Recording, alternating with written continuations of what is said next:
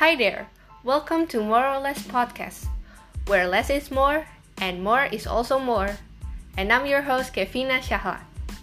In this podcast, I'll talk about things like daily life, what's trending, questions that can be answered, and other things that matters. And of course, I'm not alone because I'll bring some of my friends over to join me in this podcast. This podcast will be posted on a random day, so stay tuned and see you on episode 1.